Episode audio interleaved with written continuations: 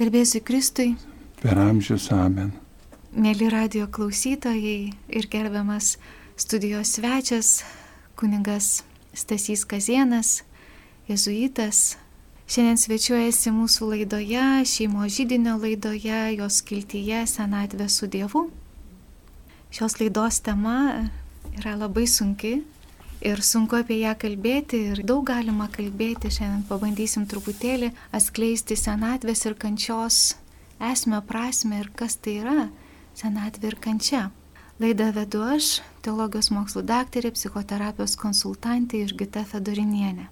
Kunigė Antanas Maceina apie kančią kalba labai rimtai ir labai akademiškai ir labai svarbiai. Norėčiau keletą minčių radio klausytojui pacituoti iš Maceinos raštų ir ką mums tai kalba Maceina ir ką mes galim vienas kitam pasakyti apie kančią po to.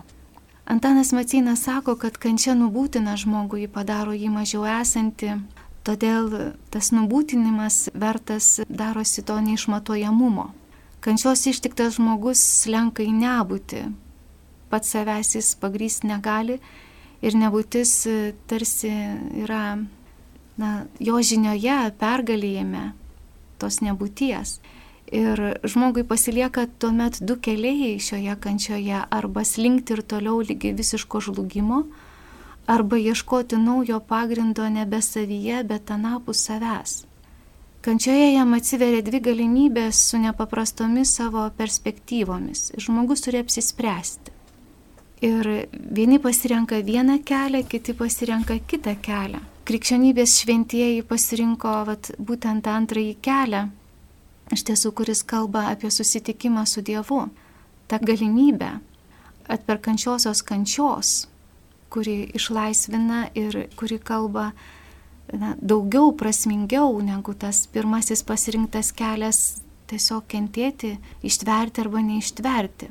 Antanas Macina rašo, kad kančia nuvalo žmogiškąją būtybę nuo visų jos esmiai ir jo idealui svetimų prieaugų. Kančia pašalina iš mūsų visą, kas kliudo dieviškajam pirmavaizdžiui mumise apsireikšti.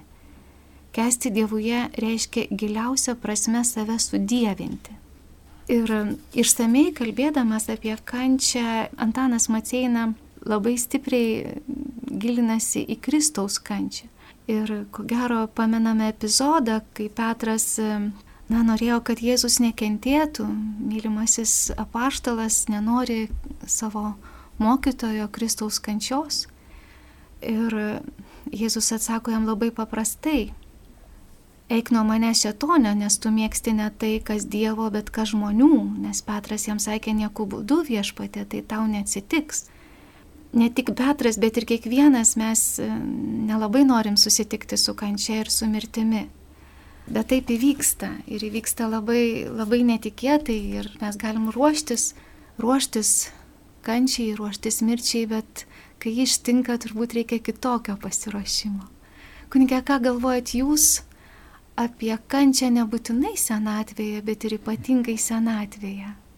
Žinot, mūsų laikų turbūt iš vis pats žodis kančia toks pasidaro nemalonus, nepriimtinas ir mes apie tai ir stengiamės ko gero ir nekalbėti ir nenorime matyti ir dalyvauti. Kiek pastebiu tokį, pažiūrėjau, laidutuvėse vaikų niekuomet nebebūna. Anksčiau būdavo. Vainiką neždavo, ten gėlytės dalyvaudavo tai norime paslėpti, apsaugoti nuo kančios, o iš tikrųjų tai mes neparuošiame susitikimui, kai ateina metas susitikimui su kančia, su vargu, su mirtimi, neparuošiame žmonių. Visiškai kitoks buvo mūsų tautos vyresnio amžiaus praeities požiūris, kai šeimos, pavyzdžiui, mano paties senelė ir mama tą pasakodavo, kad gėdodavo advento metu rarotas, gavėnios metu gėdodavo graudžius verksmus ir per tas giesmes tiesiog natūraliai įeina į vaiko žmogaus e, mąstyseną, gyvenimą tas suvokimas, kad viešpats Jėzus kenčia vargas, kančia neatsiejama nuo kiekvieno iš mūsų, bet tai veda į įprasminimą. Padeda suprasti, kad nu, tai nėra kažkas vien tik tai skaudaus ar blogo, bet kad tame yra daug malonės. Jeigu viešpats kentėjo, jeigu jisai prisijėmė ir kančią, ir pažeminimą, atmetimą, pagaliau mirti, tos giesmės pagaliau veda ir į prisikelimą, ir į amžiną gyvenimą, ir tikrai labai nu, padrasina ir sustiprina. Pati laidos tema šeimos žydinys tai vat, ir nusako, kad šeimoje iš tikrųjų čia turi kilti tas kalbėjimasis, aiškinimasis, supratimas. Mes nei vienas nenorime susitikti su kančia. Ir kai kančia tiesiogiai paliečia, tai tada aš pamatau, koks esu silpnas, koks esu trapus, bejėgis, man reikia kitų pagalbos ir galiu užsidaryti savyje arba galiu atsigręžti į Dievą. Labai gražus yra evangelinis aprašymas apie gailestingą samarietį, kai pamato kenčiantį žmogų, ką daro samarietis. Jis pirmiausiai pasilenkia.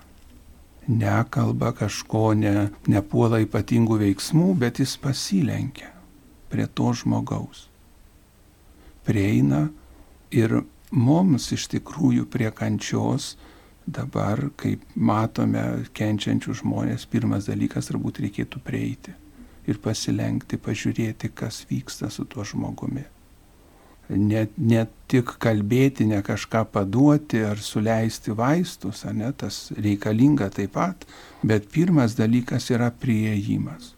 Žiūrėkite, sergantis ypatingai vyresnio amžiaus žmonės, kaip jie kalba apie medikus Sako, va šitą daktarytę ar tas gydytojas, tai jis atėjo, nusišypsojo, prakalbino ir sako, man nuėmė skausmą. Aišku, ten yra ir gydimas, bet pats tas vat, santykis, ar ne?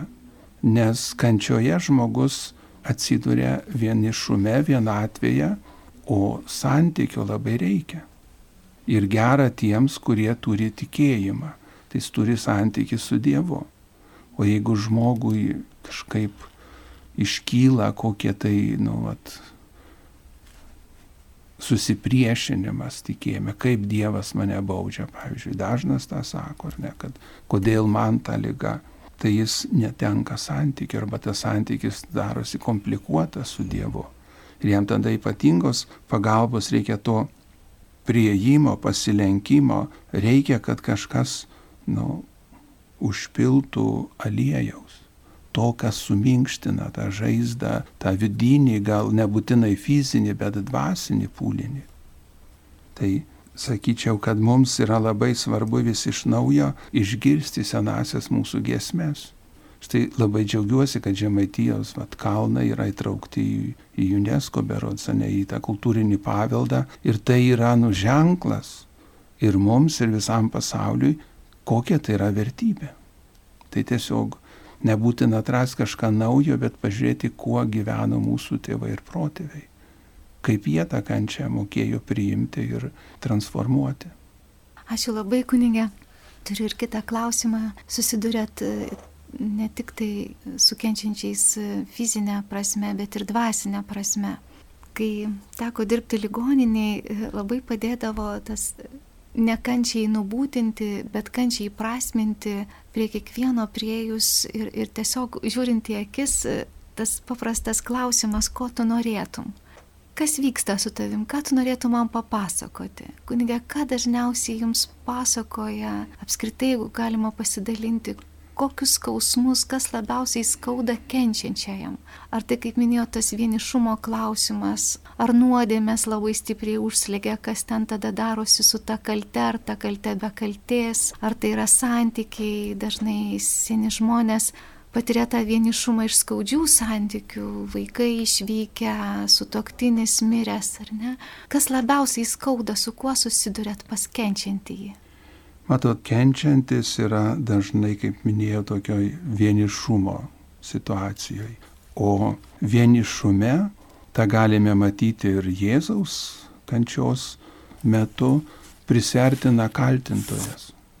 Ir jisai smūgiuoja į mums skaudžiausias vietas. 50 psalmė mes kalbame, kad nu, Dovydui prieš akis visuomet jo nuodėmė.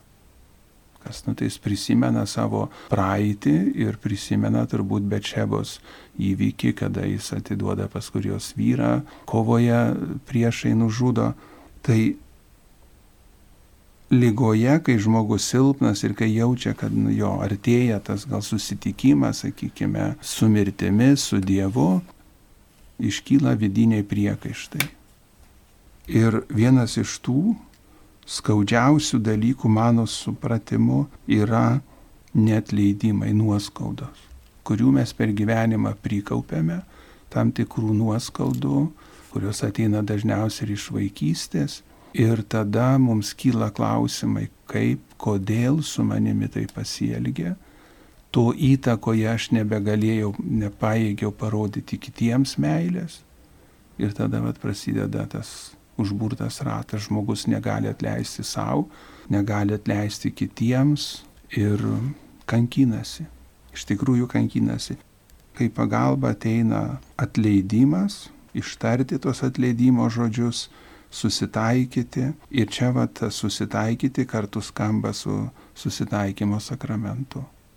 Viename iš katekizmo suskaitęs, kad susitaikymo sakramentas tai yra kaip mūras aplinkui, kuris apsaugo asmenį prieimus tą sakramentą nuo piktosios dvasios puolimų, nuo to, sakytum, nuo kaltintojo, ar ne, kuris jis nebeturi galimybių, kur smūgiuoti, nes žmogus yra priėmęs, patyręs visą Dievo meilę ir gailestingumą per atleidimą, per ligonio sakramentą. Už tai jis ir vadinamas išgydymo dar sakramentu, ar ne, kad Dievas išgydo, Dievas atleidžia. Gal mums skauda ir toliau, sakykime, ten ranką ar koją ar kažkoks lūžis, kas jau ten bebūtų, bet mums nebeskauda mūsų dvasios. Mūsų dvasia išsilaisvina. Ir va čia yra didelė pagalba. Aišku, svarbiausia turbūt yra nu, leisti žmogui pasakyti tai, ką jisai nori pasakyti. Ne kažką klausinėti, bet išklausyti, nes yra daug, daug dalykų to atvienišumo, kaip minėjote, ar vaikai kažkur kitur išvykę, ar nieko nebėra savo, artimo. Kažkada dar tarybiniais metais, atsimenu, suskaitęs tokį aprašymą, kad garsus profesorius Peterburgė gatve ėjo ir įvyko kaž, kažkas tokio, kad jis atsidūrė ligoniniai ir jį paguldė koridoriuje garsų profesorių. Jis sako, svarbiausia, ko aš tikėjausi, kad kas nors prieis ir prie manęs pasėdės. Santykių, kito žmogaus noras. Tikinčiam žmogui tas kitas asmuo, besimeldžiančiam visuomet yra Dievas jis nesijaučia vienišas tada. Jis gali prasminti savo kančią, paukoti ją, sujungti su Jėzaus kančia, kalbėti su juo, patirti jo artumą. Ir tokių momentų, kai žmonės patiria kančioje Dievo prisilietimą, tikrai, tikrai yra tekę nu, išgirsti tos pasakojimus. Ačiū labai už mintis, kad kiekvienam kenčiančiajam reikia kito, kad patvirtintų kitas žmogus, kad patvirtintų jo būti, ar ne, kad kentėtų, kad, ne tai, kad permestum savo kančią kitam, bet kad kitas panešėtų kryžių tavo nors kažkiek, nors sėdėdamas, nors žiūrėdamas į akis, kad tik nebūtum vienas, kad šalia matytum regimą į Dievo kūrinį, tai kaip patį Jėzų Kristų, ar ne? Taip, į... ir kad kančioje aš nesu, nusakytume, už borto bet aš esu vertingas ir mano kančia yra vertinga. Ačiū labai. O tada kaip yra su susitaikymu, tada, kai žmogus dažnai atsitinka ir tokių dalykų, kai žmogus susitaiko su Dievu, regis jau priemė likonio sakramentą, atliko išpažinti, priemė švenčiausiai sakramentą ir vis tiek jis dar su savo tom kaltėm, tas nesusitaikymas su savim jį ten toliau kankina daugiau kartais negu fizinė kančia. Ką tokiam žmogui palinkėtumėt, ką tokiam žmogui pasakytumėt? Čia turbūt reikėtų ne tam žmogui pasakyti, bet dabar vat, galbūt klausantis turėtų išgirsti, kad visus dalykus ir teisinius tame tarpe, net anskim palikimai arba kažkokie susipykimai šeimose, reikėtų spręsti, kol mes tą galime padaryti. Nes kas dažniausiai tai e, kankina žmogų at, lygos patale, kad nepasakiau gerų žodžių, kad kažkam nepasakiau, kad atleidžiu, nepasakiau, kad myliu, kažkokios naštos, skolos išlikę. Juk nepaslaptis, kad pavyzdžiui, tėvams mirus, vaikai ilgą laiką nešiojasi tokį kaip sunkumą, skausmą, kad neįvykdė paskutinės tėvų valios. Ir tą nešiojasi paskui visą gyvenimą. Manęs prašė, pavyzdžiui, pakviesti kunigą, mes kažkaip atidėliojom, nedrysom pasakyti kažkokios priežastys O paskui tas iškyla, kaltintojas atranda tas vietas, per kurias mus gali smūgiuoti. Tai, tai vad, žiūrėkite, mes nešame gėlės į kapines, bet būtų daug geriau dabar ir kalėdų šventės artėja, ar kitos įvairiausių progų. Dabar reikėtų tas gėlės įteikti vieni kitiems. Tada labiau įprasminame, aš vertingas, nesvarbu, kad, sakykim, senas ar sergantis, bet aš esu vertingas. Ir pas mane atėjo, mane, man net gėlių atnešė, net iki žmogus, kiek laiko tu gali džiaugtis paskui. Tai nuimti tas naštas iš tikrųjų. Tai yra septyni geri darbai artimo sielai ir kūnui. Tai ne kažkada juos reikėtų, bet dabar praktikuoti apie vertę kalbat žmogaus vertę, žmogus pats vertingas savaime. Ir vat čia yra labai didelė kai kam problema, kad vis dėlto žmogus nesijaučia vertingu. Kaip kvieštumėt vis dėlto pajusti tą dėkingumą Dievui, gal čia pirmiausia ir, ir būtų ir puikybės klausimas, ir nuolankumo klausimas, kaip vis dėlto tam senam žmogui, kuris sako, ai, aš jau niekam nebereikalingas, jau tokių nebegydo, jau aš to numirsiu ir man va čia jau nieko nebeliko, jau gyvenimo nebėra, dabar tik patalas. Ir va čia galim ir kalbėti ir apie vertingumą, ir apie tą iš tiesų orų kančios nešimą, ar ne orų kančios išgyvenimą, jungiantis su Dievo kančia. Kaip čia yra, kunigė? Žinot, kartais girdžiu tokį pasakymą, sako, nieks manęs nemyli. Taip, tai taip. tada kitas sako, tai tau ir Dievas niekas. Dievas visuomet myli. Ir neturėtume pamiršti ir kartais labai samoningai savo priminti ir kartoti, aš esu mylima Dievo dukra. Aš esu mylimas Dievo sūnus, aš esu jo mylimas. Nepriklausomai nuo to, kaip susiklosto gyvenimas, kaip kiti mane žvelgia, ne. Dievo akise aš esu vertingas. Ir savo gyvenimu turėčiau vykdyti Dievo valią. Dievo valia yra, kad mes pas Dievą grįžtame per mirtį. Ir tada reikėtų žvelgti į Jėzaus gyvenimą. Ar jo gyvenimas buvo rožėmis klotas? Ar vien tik stebuklus darė ir visi plojo? Taip, padarė stebuklų, bet kiek buvo vienatvės, kai negalėjo dėl jo padaryto išgarsinto stebuklo įeiti į gyvenvietę, į miestą, turėjo dykvedėse vaikščiai. Kol nurims, kol aprims, pati kančia ar ne bičiulio išdavimas, plakimas, agonija, Taigi vienišas, apleistas, atmestas ar ne, o Dievo sūnus. Bet mirtis iš tiesų yra Dievo plane ir mums priimti ją kaip Dievo valią. Aišku, dabar čia mums sėdėti ir kalbėti apie kančią, apie mirtį, kai dar atrodo gyvensiu ir gyvensiu, ar ne, nors gali būti, kad labai greitai iškeliauti teks, bet kol nesusidurėme, mes nu, sunkiai galime suprasti, ką tai reiškia kentėti ir mirti, bet pavyzdžiui, mums visiems tenka nueiti, sakykime, nu, pas dantystę. Labai nemalonu, kai dantį grežia ar kažkas. Tai aš kaip save godžiu tada, kad šitas specialistas žino, ką daro ir atliks kaip galima geriausiai. Tai atsiduodu į Dievo rankas ir jis per kančią ir per mirtį kažkaip praves taip, kaip man yra geriausia. Tiesiog turiu žadinti savį pasitikėjimą, man taip atrodo. O kai ateis kančia ir mirtis, nežinau, kas bus. Dieve pasigailėk. Manau, tiek ir mes kunigė, vat, mažiau daugiau susidurėm su pačia kančia iš tiesų. Ir jeigu atvirai, vat, sakot, sėdim va čia mažą ką dabar kalbėt, kai labai nekentėja, ar ne? Bet jeigu patviraujant, prieš septynis metus mūsų šeima irgi užklupo, na, sakyčiau, rimta kančia, kai vyrui buvo diagnozuotas vėžys. Ir iš tiesų tada auginom, dar tada buvo maži mūsų vaikučiai. Ir pirmas skambutis, tada pamenu, buvau darbe, buvo vyro, kad na, tikrai ko gero tai yra darinys ir tai yra vėžys ir, ir dabar ką daryti ir operuotis, ir reikia daktarų ieškoti ir, ir ką dabar daryti, visiškas pasimetimas. Ir antras skambutis, amžinatilsi mano bičiulio valdo Matskelo, sako, Irgita, tu įstoji doktorantūrą.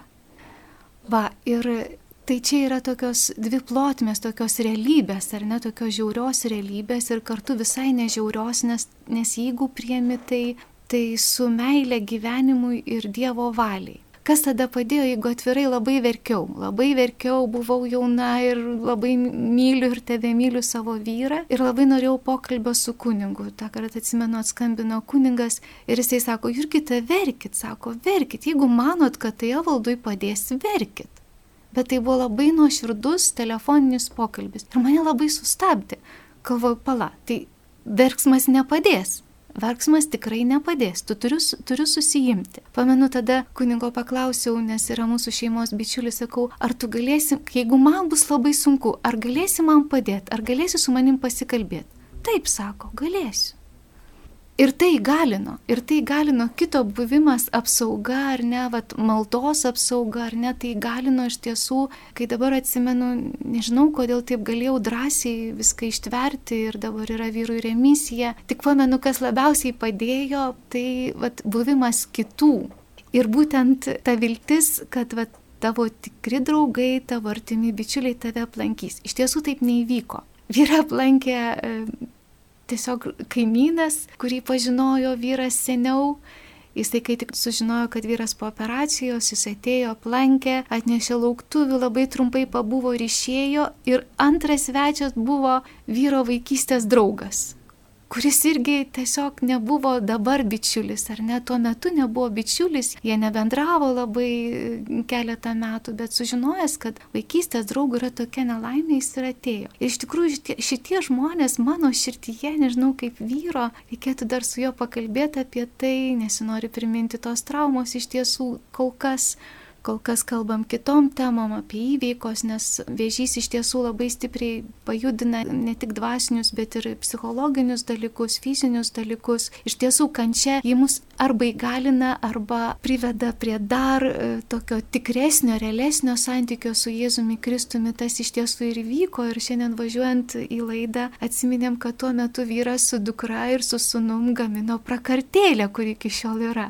Tai ačiū Dievui, mums, mums kol kas laimingai baigėsi, kančia, kančia mūsų, na, mūsų neišskyrė, ar ne? Tai aš liūdydama kalbėjau apie tai, kunigė, kaip mums reikia to kito, kuris yra tas tikras draugas. Ir tikras draugas tuo metu gali būti tik tai Jėzus Kristus va tas gyvas santykis, ar ne, kančioje ir įvyksta tas susitikimas arba su ta kančios beprasmybė, kodėl man, už ką man ir čia aš to nenusipelniau, ten kaimynas geriau gentėtogė, aš čia geras ir, ir čia susitinka tas nuolankus Dievo valios prieimimas kažkodėl, va, kažkodėl ir net to klausimo turbūt nereiktų, man jo nereiktų kažkodėl, va, man, Jėzau, ačiū už tą kančią kuri yra prasminga visokių požiūrių ir atneša man iš tiesų vaisių. Kančia gali atnešti vaisių. Kaip kunigė manot jūs?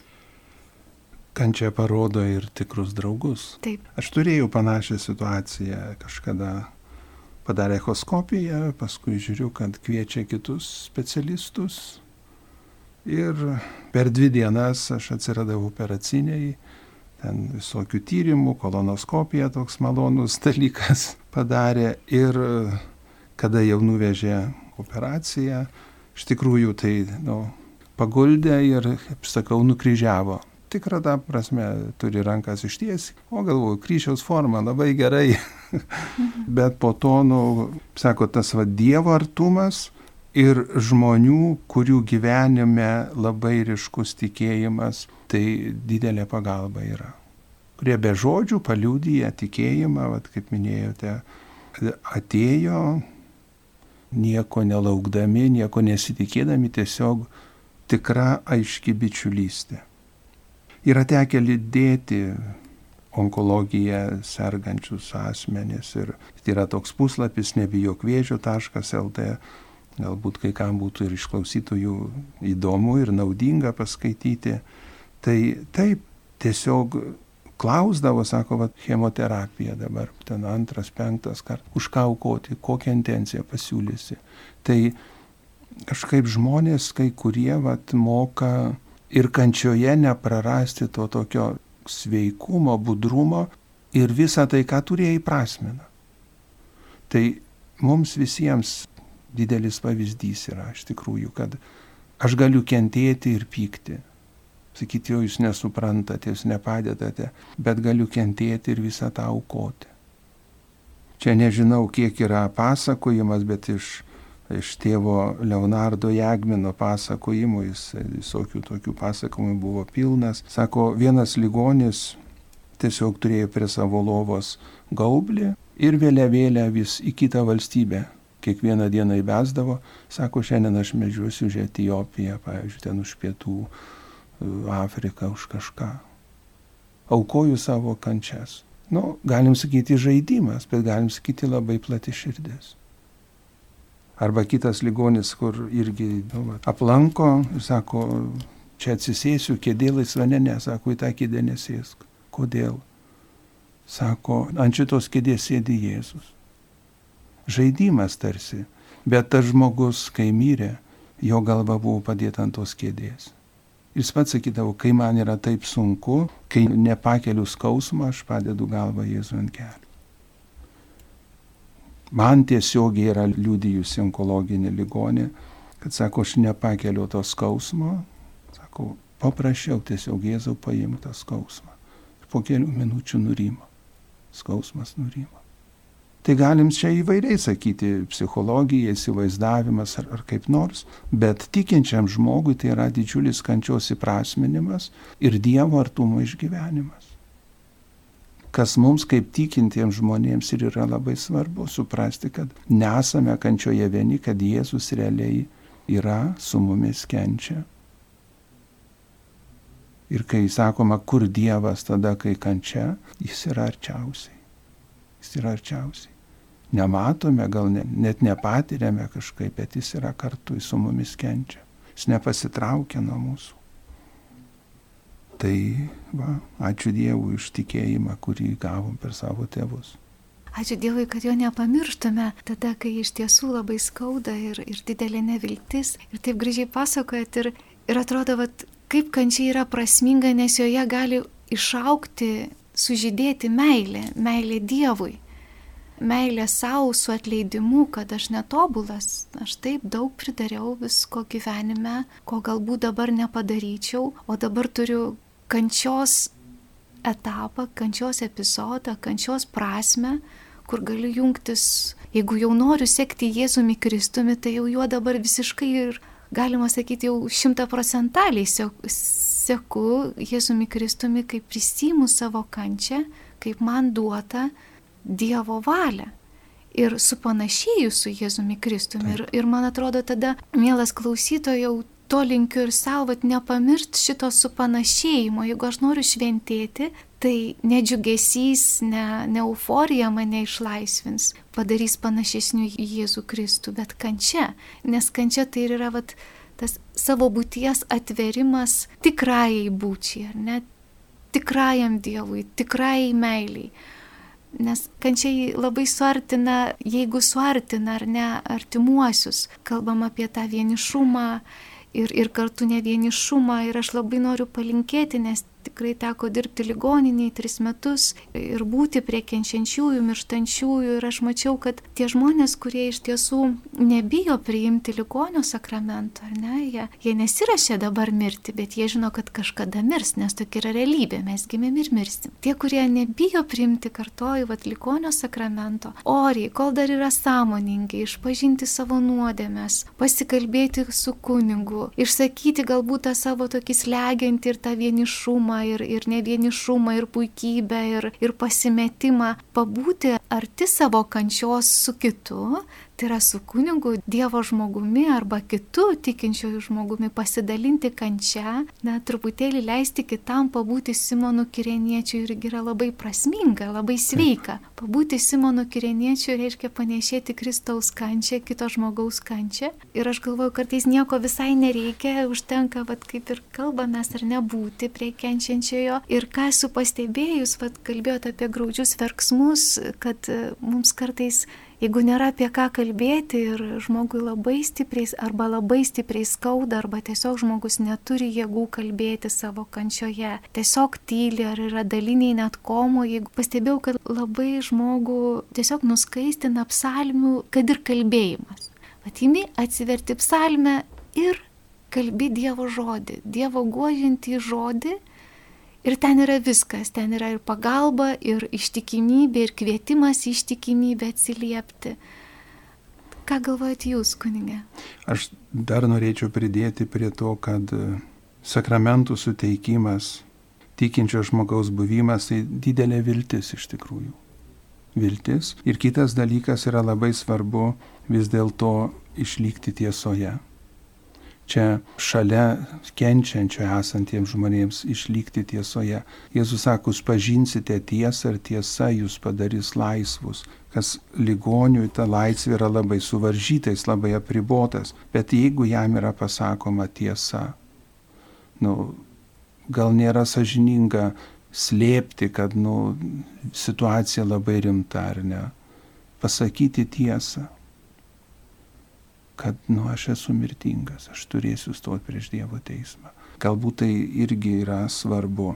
Žinau, vad ne per seniausiai mirė jauna mergina. Tai motina prie jos komoje buvo, kalbėdavo garsiai galestingumo vainikėlį. Ilgą laiką, tai sako, būnu ir kalbu ir, ir matau, kaip po truputėlį kūnas atsipalaiduoja. Ligonio kūnas reaguoja, vadinasi, į, į maldą. O kodėl mus paliečia ta kančia, mes, mes nežinome. Ir mes ieškom atsakymų, dabar labai dažnai girdime, kodėl mane, kodėl dabar šitą kančią palėtė. Klausimas, į kurį nėra atsakymo ir atsakymas, aš sakyčiau, būtų tas žodis ačiū. Ačiū, nes aš galiu, aš pajėgiu šitą kančią priimti. Dievas duoda tą kančią, duoda ir malonės ją priimti. Ir jeigu esu tikėjimo žmogus, tai nelieku vienas, Dievas yra kartu su manimi ir, ir per kančią, per mirtį jis mane veda į prisikėlimą.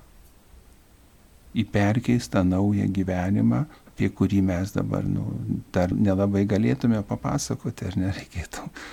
Bet Dievo žodis sako, kad tai, ko akis neregėjo, ko ausis negirdėjo, Dievas paruošė tiems, kurie jį myli. Tai kalbam apie amžiną gyvenimą, apie amžinasias vestuves, puotą prie, prie viešpaties stalo, jo artumoje. Ir, ir į tai ateiname vis dėlto per kančią, nes ir Jėzus ėjo per kryžiaus kančią. Tai Dieve duok mums kantrybės ir drąsos. Kantrybės priimti tai, ką Dievas nori mums padovanoti. Taip, kančia pasirodo dovana, didelė dovana, tik reikia suprasti ją. Šventė daugiau mylėti ir dar kitaip pažinti Jėzų. Taip, kunigė. Tiesiog gyventi. Gyventi. Gyventi Dievo duotą gyvenimą. Ačiū labai ir ko gero nepamiršti Antano Matseinos labai prasmingų tų pačių, ką mes kalbėjom žodžių, kad kiekvienu atveju kelias į susijungimą su Dievu eina per kančią. Ačiū labai kunigė už pokalbį, kuris nebuvo lengvas, kalbėti apie kančią yra nepaprasta, kaip ir kentėti nepaprasta. Ir Dieve duok mums meilės Dievui, savo ir kitam. Ačiū labai. Sudie. Ačiū visiems. Dievas te saugo mus nuo lygų, nuo kančių, bet jeigu ateis ir palies mus, kad duotų malonės tikrai krikščioniškai priimti tos kentėjimus. Sudie. Sudie.